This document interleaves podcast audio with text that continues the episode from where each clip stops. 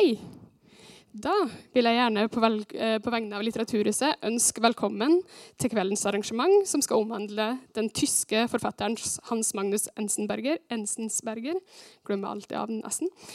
Eh, I kveld gjester Rune Skarstein eh, Litteraturhuset for å snakke om tilbaketogets helter, essays og dikt fra 1957 til 2015, som er et skjønnsomt utvalg skjønnsomt utvalg av Hans Magnus Ensenbergers eh, viktigste tekster. Skarstein har stått for det redaksjonelle utvalget og gjendiktning, samt at han har skrevet forordet til boka. Igjen en varm applaus.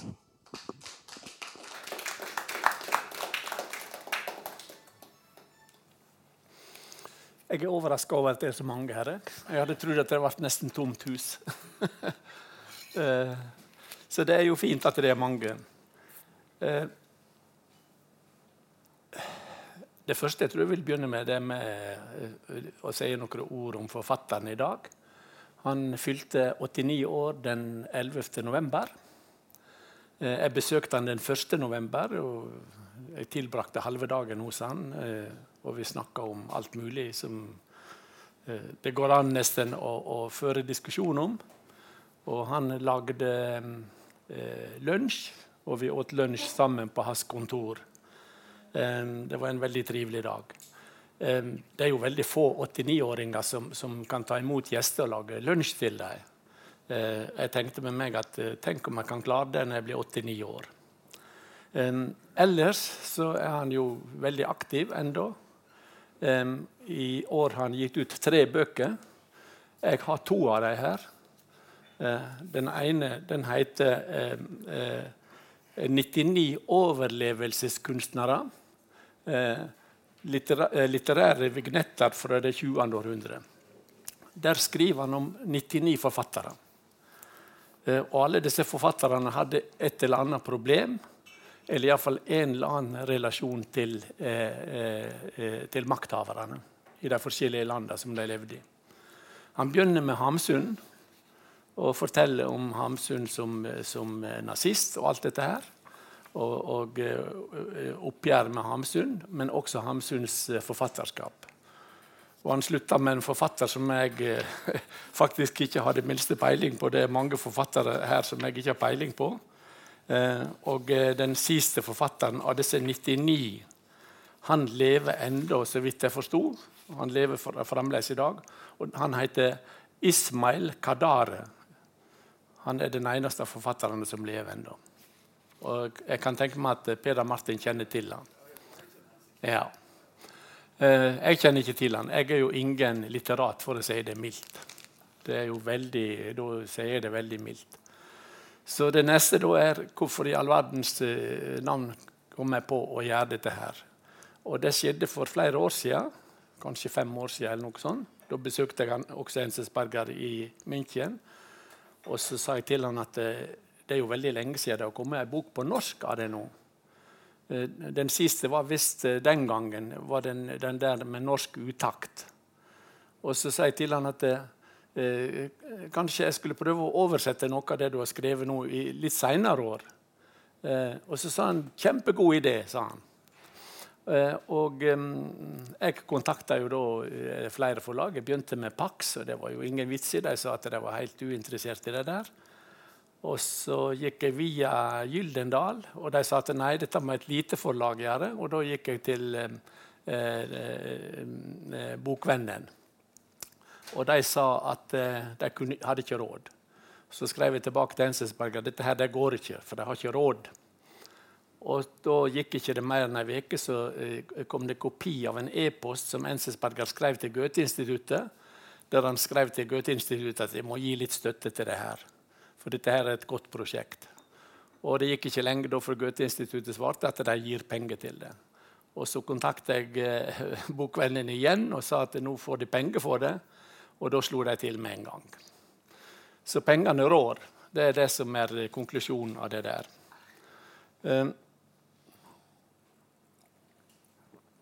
men hvorfor eh, skulle jeg hive meg ut i dette her? For jeg er jo ingen filolog.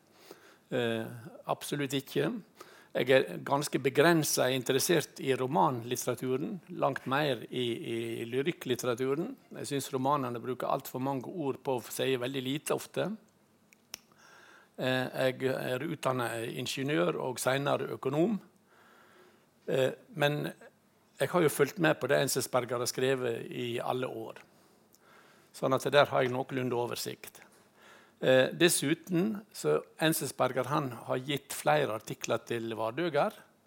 Um, og han har ikke tatt, krevd krevd en eneste krone for det. Eh, to av de artiklene er faktisk originalartikler. Det har ikke stått på tysk eller i noe annet tidsskrift. Den ene den heter um, noe sånt som um, Betraktninger om fyrsten, tror jeg. Jeg husker det nesten ikke. Det var for et tidlig nummer. Og det andre den, eh, den, heter 'På besøk hos doktor Marx'. Som jeg syns fremdeles er en utrolig interessant eh, historie som han lagde der. Den er heller ikke blitt publisert på tysk. Det har stått bare i Vardøger. Så jeg føler jo også en viss takknemlighetsgjeld til uh, Enselsberg. I tillegg har vi selvsagt fått mange andre artikler som, som, som har stått både på tysk og på andre språk. Eh, som, jeg hadde da et dobbelt motiv. Det ene var at det var lenge siden noe hadde kommet på norsk av han. Jeg syns han er, er verdt å bli lesen. Og det andre var at jeg føler en viss takknemlighetsgjeld til han, ja. Det står i invitasjonen at han er en opprørets forfatter. Eh, det er jeg sterkt i tvil om. Jeg vil heller si at han er en motstandens forfatter. Nå kan en si at det, Forskjellen på motstand og opprør er, er, kan være hårfin av og til. Men i tilfellet til Enselsberger så heller han nok mer mot motstand. Eh, det er det, det, det, som karakteriserer veldig mye av det han har skrevet. Eh, han har vært en veldig aktiv forfatter på den måten at han har blanda seg opp i alskens eh, store debatter. Eh, med kraftige og saftige innlegg, vil jeg si. Og eh, han har vært eh, bokredaktør i ei rekke år. Og denne her, De Nøye Bibliotek den, den, det ble jo et, en stor suksess for han. Jeg tror det var noe sånt som 280 bøker han fikk gitt ut på De Nøye Bibliotek de andre bibliotek heter det. De andre bibliotek Før eh, et annet forlag overtok, og han trekte seg ut. Fordi at eh, eh, da var det eh, bunnlinja som skulle telle da det nye, store forlaget kom inn og overtok det. Det ville ikke han være med på. Dessuten så starta han Korsbok, et tidsskrift, i 1965. Eh, og der har han selvsagt skrevet en rekke artikler. Eh, og eh, dessuten henta inn eh, artikler fra så å si hele kloden, vil jeg si, som sto i korsbord. Han redigerte 100 nummer av korsbord. og trekte seg altså ut da nummer 100 kom ut, for, for å, også gjøre andre ting han brukte Korsbok til å skrive veldig mye om det såkalte, studen, eh, såkalte studentopprøret, eller antiautoritære bevegelsen, antiautoritære opprør i Tyskland. Og eh, han, han, var en konsekvent kritiker, og er en kritiker selvsagt, av det han kaller Adenauer-staten, som var en øvrighetsstat, absolutt. Um, og han støtta dette opprøret med, med sterke argument i, i flere år. Men det var ikke studentopprøret som ble det viktigste. Det viktigste ble eh, faktisk det som på tysk heter eh, eh, 'Der radikalen er lass' og 'Berufsverboten'. Eh, og det var en historie som egentlig ble lite omtalt i Norge. Eh, det, det, kom uten tvil som en følge av, av, av eh, Bader-gruppa sin såkalte terrorisme. Men som han sier, den, denne gruppa her sin, eh, det de, eh, En kan godt si at de bidro med en skjerv, sier han, til, til eh, den statlige undertrykkinga og overvåkinga i Tyskland. Men det var heller sånn at staten, den gamle Adenauer-staten brukte dette her for å få mer kontroll over befolkninga. dette skjedde lenge etter, lenge etter studentopprøret. der radikalen Erlas ble vedtatt i 1972. Så det var godt etterpå. Og den varte til 1991. Da var faktisk Bayern den siste delstaten som, som eh, avskaffa den greia der. Jeg skal komme litt mer inn på, eh, på disse tingene der. Men når du, når du, ser på utvalget jeg har gjort, så har ikke jeg nevnt artiklene om Tyskland i det hele tatt. Og eh, det, det, gjorde jeg helt eh, med hensikt, fordi at de fleste artiklene om Tyskland det er eh, en kritikk av et Tyskland som ikke finnes i dag sånn at det blir mer interessant for historikere. Og jeg tenkte også at veldig mange, i alle fall yngre lesere, vil ikke forstå at det kan ha vært så jævlig i Tyskland som det han beskriver. Og derfor så, Selv om han har skrevet mest om Tyskland, så har ikke jeg tatt med noe spesifikt om Tyskland annet enn én artikkel. Og Den tok jeg med for at den skriver ikke om staten, men han skriver om hvordan folk innretter seg eh, i åra fra 1950 cirka, og utover i 80-åra. Eh, det, det, er mer en, en, artikkel om folkelivet i Tyskland enn en om staten, som man jo har skrevet så veldig mye om. Eh, så, så det utvalget, det at jeg holdt det utafor, det, det, var bevisst gjort.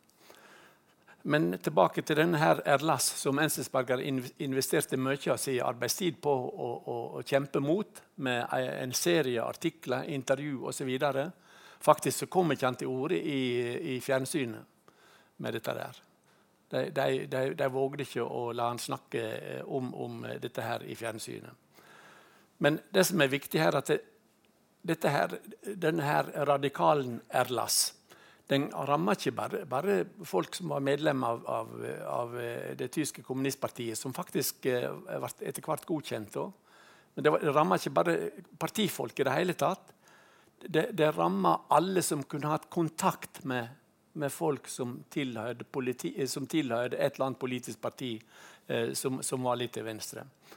Og, eh, Det var kort og godt personer som, eh, eh som hadde, hadde, skal vi si, liberale synspunkt, nesten. Det gikk nesten så langt. Eh, og, og det, det, som da, da lå i dette her, det var De lagde et spørreskjema for alle som skulle søke stilling i, eh, i, staten, eller i kommunen eller i delstaten. Og På det spørreskjemaet måtte de fortelle hva de eh, mente om forskjellige ting. Eh, om de hadde sympati med, med folk på venstresida, f.eks. Eh, eh, hva slags organisasjoner de hadde vært medlemmer eh, altså Det var rett og slett en slags sånn gesinnungsundersøkelse, som det vil hete på tysk. da, Eh, og, og, dette skjemaet ble delt ut over hele Tyskland eh, for å sile ut eh, folk som, som da skulle, skulle, mm, rett og slett hindres i å få offentlige stillinger, bl.a. En ting som er viktig her, det er at, at det tyske NDP, Nasjonaldemokratiske Partei Deutschlands, det var aldri forbudt det var det partiet nazistene var medlemmer av. Det var et rent nazistisk parti, og det var aldri forbudt. Og det var ikke de eh, folka her, eh, denne her radikalen Erlas først og fremst var ute til å ta. Men la meg nevne litt tallene. Fra 1972 eh, eh, til utover etter 1985, eh, og faktisk i noen få delstater fram til 1991 så ble altså 3,5 eh, eh, millioner eh, personer skal vi si, forhørte gjennom disse her skjemabrukene og alt dette der. 3,5 millioner personer. Ehm, og det er jo et ganske stort tall. Av disse her 3,5 millioner så var det 1250 og det var stort sett tilhørte venstresida. Uh, det var lærere og høgskolelærere. de mistet jobben. Ble oppsagde. og Nei, om. De ble forlatelse. Det var lærere og høgskolelærere. blant selvsagt så var det også lokførere. Det var det som gjorde at motstanden var kjempestor. Lokførere og postombud de ble også undersøkt på denne måten. her. Og Det gjorde jo at fagforeningene etter hvert skjønte at dette her, det må vi gå imot. Fordi at Hvordan skulle en lokfører få, få, kunne få seg en annen jobb? Har vært oppsagt en del lokførere òg. Men det tallet jeg nevner nå, det gjelder bare da høgskolene og høgskolene. Og, og, der var det altså da eh, eh, mer enn 1250 personer eh, som, som ble undersøkt, og 260 personer ble oppsagde i jobbene sine. Så, så, det var egentlig en ganske stor sak, dette her. og i november 1975 var det en stor demonstrasjon i, i Tyskland, i Berlin, der over 100 000 mennesker deltok. Og der holdt Enzensberger da eh, protesttale, eh, som han ble veldig kjent for, og som ble eh, faktisk også eh, kringkasta i Tyskland. Um, og han skrev en rekke artikler mot dette her. Um, uh, og jeg nevner dette her spesielt fordi jeg ikke har tatt med noe i boka. Uh, og en artikkel eh, som sto i Der Spiegel, og som eh, det kom masse reaksjoner på, sinte reaksjoner stort sett, den heter 'Traktat om tramping'. og det er altså da hvordan, om hvordan staten tramper ned på all politisk kritikk og opposisjon. Og han skriver her at, at uh, nasjonal nas, uh, her, Denne her nasjonale Deutsche Partei, altså denne her denne nazipartiet, egentlig helt stille og rolig så forsvant det. Det fikk mindre og mindre oppslutning. og, og et, alle, alle, disse eh, nazidommerne og nazilærerne de ble eh, begravd i all stillhet etter hvert, og det minka ut. Og det var ikke disse folka her staten var ute etter å ta i det hele tatt. Det var venstresida. Eh, det var helt åpenbart. Og det interessante er at dette her kom etter en periode som så ut som tyder på at, at nå var denne her øvrighetsstaten ferdig. Altså etter 1968 og utover da, disse første åra. Eh, men, men, etter hvert så brukte da eh, høyresida til og med et, et uttrykk de kalte det tendens, tendensvende. Og Det var da tilbake igjen til det gamle, for at nå måtte en, eh, nå måtte en konsolidere den gamle staten. Og, og her, denne tendensvenda skrev Venstresberger i en artikkel i Der Spiegel i uh, 1976 det var ikke noe som kom av seg sjøl. Det var statlig regissert. Eh, og han sier at det, at det, var en skikkelig kraftanstrengelse å få dette her til igjen. Med eh, metodisk eh, ødeleggelse av, stor, av demokratisk porselen, som han kaller det. Og han, han, skriver da og lurer på hvor mange, mye overtidsarbeid var det nødvendig for å, å eh, eh, knuse ei, ei, og innordne ei samfunnsbevegelse. En samfunnsbevegelse der det var hundretusenvis av unge mennesker som deltok. Det var hensikten, å stoppe dette her. Eh, og det, det, er jo klart at, at, at Andreas Bader og, og, disse terroristene, som var veldig få, kanskje 15 mennesker, at de på en måte ga eh, eh, en mulighet for staten til å gjøre dette. her. Det er åpenbart. Men staten var jo helt trygg. Det var jo ingen fare for at disse folka kunne velte staten. Det hadde jo null oppslutning. Eh, og det skriver Ensesberger også i den artikkelen i 1976 at eh, når det gjelder terrorisme, så har han nok bidratt en skjerv med sin spekta spektakulære form for, for terrorisme. Eh, men eh, han har jo ikke på noen måte kunnet utfordre staten. Det er jo bare eh, dumt å påstå det.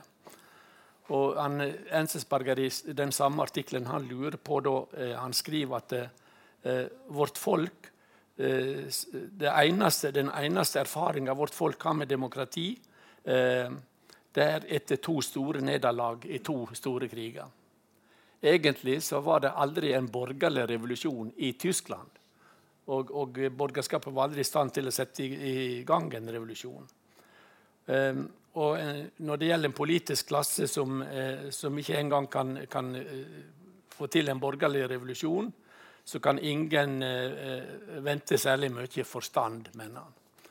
Sånn at borgerskapet i Tyskland var med på, på denne utskeielsen her. Det er også interessant at Willy Brandt han var med på disse, disse tiltakene mot venstresida. Og En kan lure på hvorfor, men det ser ut som at han gjorde det for å skaffe seg ryggdekning for østpolitikken.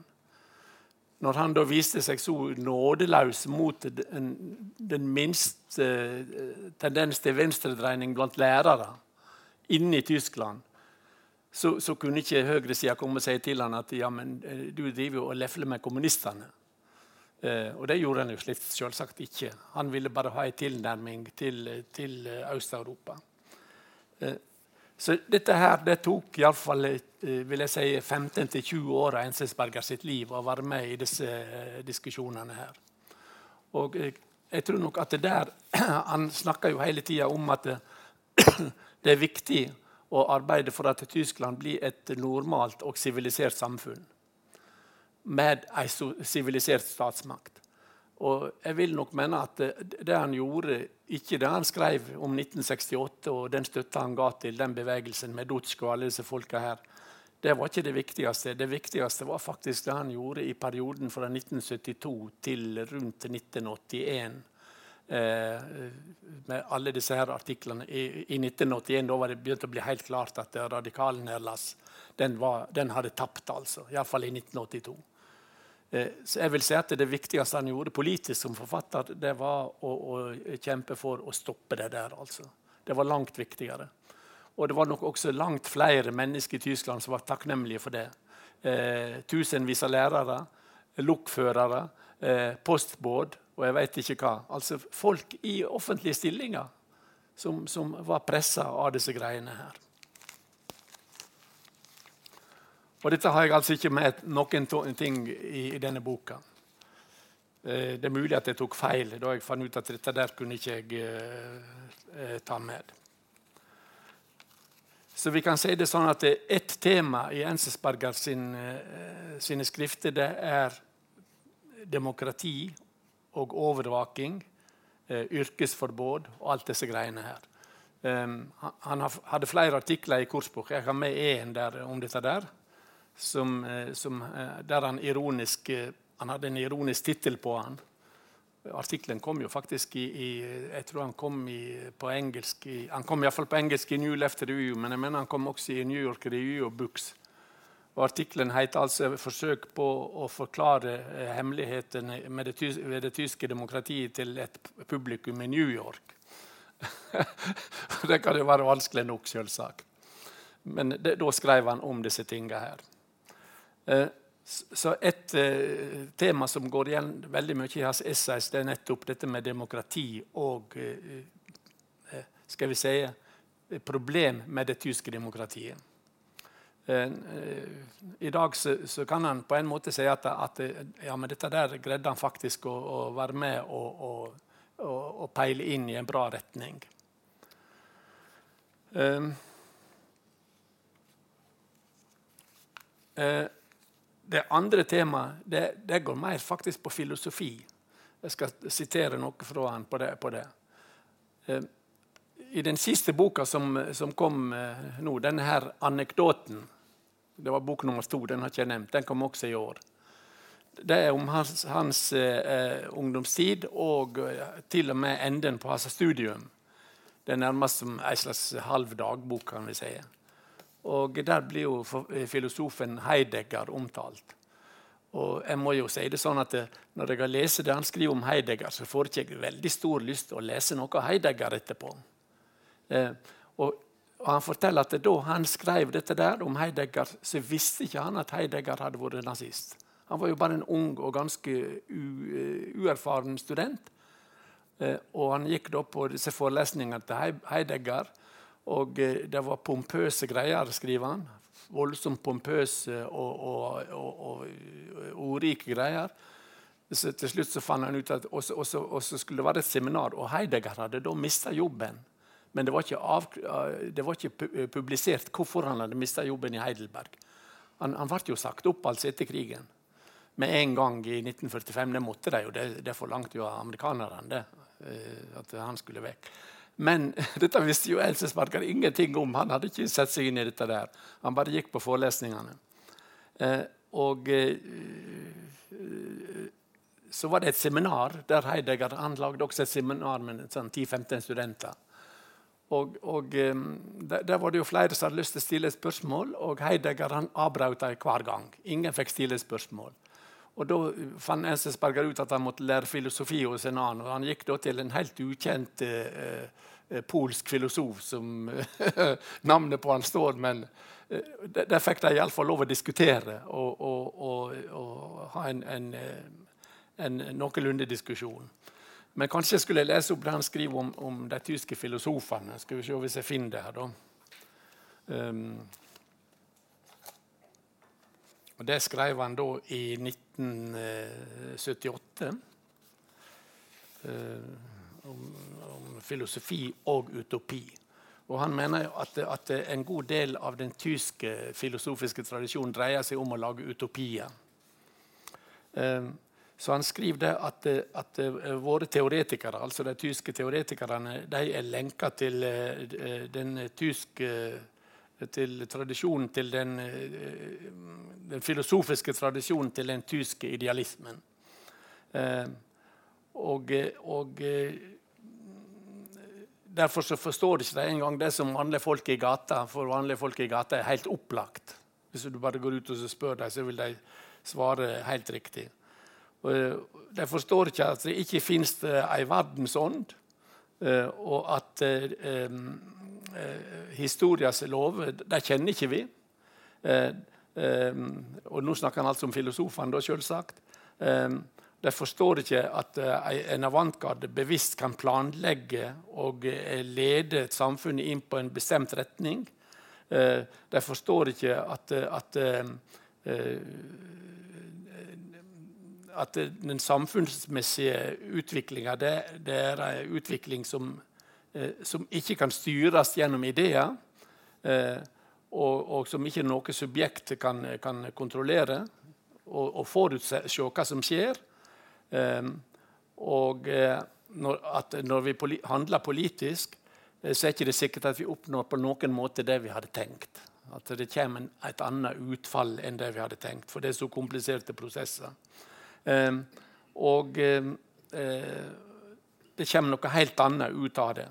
Og Av og til kan det til og med komme resultat som, som vi egentlig ut, i utgangspunktet ikke ønsker. Og, og eh, eh Han sier at, at det, det fins ingen positive utopier som noen gang har kunnet blitt realisert. Det er hans syn. Og Jeg har av og til diskutert filosofi med han, og at han ikke liker filosofer, det har jeg jo etter hvert oppdaga. Han, han syns ikke at det, Og særlig den tyske filosofi. Eh, men, men, da har vi jo Per Andersson som går til åtak på den franske filosof, eh, filosofien. Han, han, snakker jo veldig nedsettende om de franske filosofene. Det sier ikke Ensesberger noe om. Han holder seg til en kritikk av de tyske filosofene. Eh, og han sier også at akopalypsen, som jo har eksistert så lenge det nesten har funnes mennesker, eh, det er egentlig en negativ filosofi. En, negativ utopi om forlatelse. Eh, den har de positive utopiene, og så har vi det negative, som er akopalypsen, som ligger der og lurer hele tida. Og han sier at det er materielle forhold og historiske realiteter som, som er bestemmende for, for denne her akopalyptiske tenkninga eh, dommedagsprofeter osv. Eh, de to tingene går igjen, eh, disse to går igjen veldig mye i mye av det han skriver.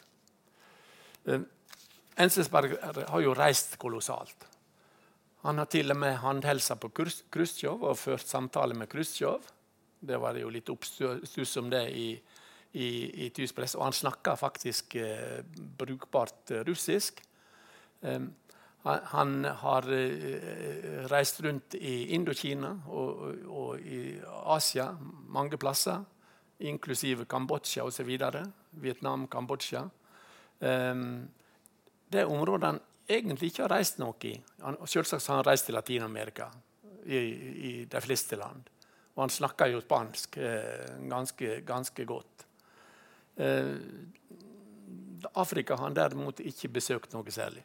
Han, han eh, ble invitert av Castro til Cuba for å være en slags sånn kulturmedarbeider. eller noe sånt, og Han var der et års tid. Og Da Castro døde nå, for en tid siden, så skrev Ensesberger nekrolog. Eh, og Det var jo en, en, ganske fornøyelig nekrolog, må jeg si. Og Da forteller han at, at Castro hadde hans store feil. Han, det var at han, han, trodde han kunne alt.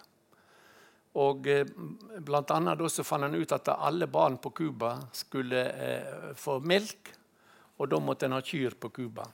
Så Castro importerte husker ikke hvor mange kyr det var, utrolig mange melkekyr fra Europa. Og Veterinærene advarte Castro og sa at dette går ikke, jeg kommer til å krepere disse kyrne her i dette klimaet. Og Castro sa at det bare snakker tøv, dette skal gå helt fint. Og Kyrne ble importert, og de døde. Eh, og denne nekrologen den heter da 'Castros kyr'. Um, for dette var en av historiene som ble nevnt. Det var også flere historier. Men så skriver han til slutt Sannelig har det funnes verre diktatorer i Latin-Amerika enn Castro. Det er siste setningen. Eh, og når vi tenker oss om, så vet vi jo det at det har funnes diktatorer som har vært mye verre. Men etter vel et år så, så, så gikk Enzensberger og møtte Castro og sa at han trodde ikke han hadde mer å bidra med, og så takka de eh, hverandre for, så å si, for eh, møtet, og så, og så for han tilbake til Tyskland. Eh, nå har jeg snakka i 40 minutter nesten, jeg, og de har ikke stilt et eneste spørsmål til meg. Um, jeg tror vi sier som så at jeg stopper der. Så, en, bare én ting til slutt. Hvis de vil lese det den såkalte moderne Ensesberger skriver, så kan de jo kjøpe boka. Da. Det blir jeg jo glad for. Um, og til de som ikke har uh, sett boka, så kan jeg jo fortelle litt hva som står i henne. Jeg kan jo fortelle da at jeg sa til Enselsberger at jeg er jo ikke filolog. Jeg har ikke peiling på denne metrikken og sånn i dikt. Uh, dette her uh, syns jeg går over det jeg er i stand til å gjøre, og over min kompetanse. Og så sa han dette er bare tøys, du skal bare oversette det. Eh, og, og, så sa jeg at jeg kunne godt tenke meg å, å, ha, å ha, råd fra en, en, en, lyriker. Nei, sa han, det må du slett ikke be om. Og Logikken hans var jo grei. Han ville ikke ha gjendikting, han ville bare at jeg skulle oversette det. Og da, stolte han mer på meg enn på, på, eh, eh, på lyrikeren, og det var jeg jo glad, for at han gjorde. Lyrikere òg burde jo klare dette der, syns jeg. Eh, men jeg har aldri oversatt et eneste dikt, og kommer heller ikke til å gjøre det. Men jeg syns det var ganske gøy å omsette dikt av Ensesberger. Det var det. Og det ble jo nevnt her et spørsmål om Eh, det er mange som ikke vet at han først og fremst i Tyskland er kjent som lyriker. Det er jo det han er kjent for. Eh, og eh, langt mindre, selv om han har vært med i, i alt, alle mulige slags oppheta diskusjoner i media osv., så, videre, så er det lyrikk han er mest kjent for. Og Derfor så var jeg jo nødt til å ha med det synes jeg at jeg måtte jo med, ha med et lite utvalg av, av hans dikt. Eh, og det, det, alle utvalget her er mitt ansvar. Eh, og, og, han la ikke seg opp i noen ting. Han bare sa hele tida at dette her er ditt ansvar. Det er du som gjør dette her. Eh, vel, du kan velge akkurat det du vil. Det eneste han protesterte på, det var at jeg ville ta med den der betraktninga om eh, boken om fyrsten som, hadde, som, vi hadde fått til Vardøger. Og så sa han nei, den får ikke lov å ta med, for jeg er helt usamd i det jeg har skrevet der. så, så det kunne jeg ikke ta med. Og så sa han at jeg tar heller med til dikt han hadde skrevet om eh, Machiavelli. Så jeg gjorde det. da. Um, I det hele tatt så var det ganske morosamt å gjøre dette arbeidet og ha den kommunikasjonen med forfatteren som, som jeg hadde i, i, medan jeg eh, gjorde dette der. Det var, det var, ikke noe vanskelig arbeid, men det var sikkert ikke et arbeid i samsvar med, med oversetterne sine kriterier for hvor ting skal gjøres. Det kan godt tenke. Likevel, nå har jeg gjort det, og, og, og det var gøy, altså. Ja, det var det jeg har å si.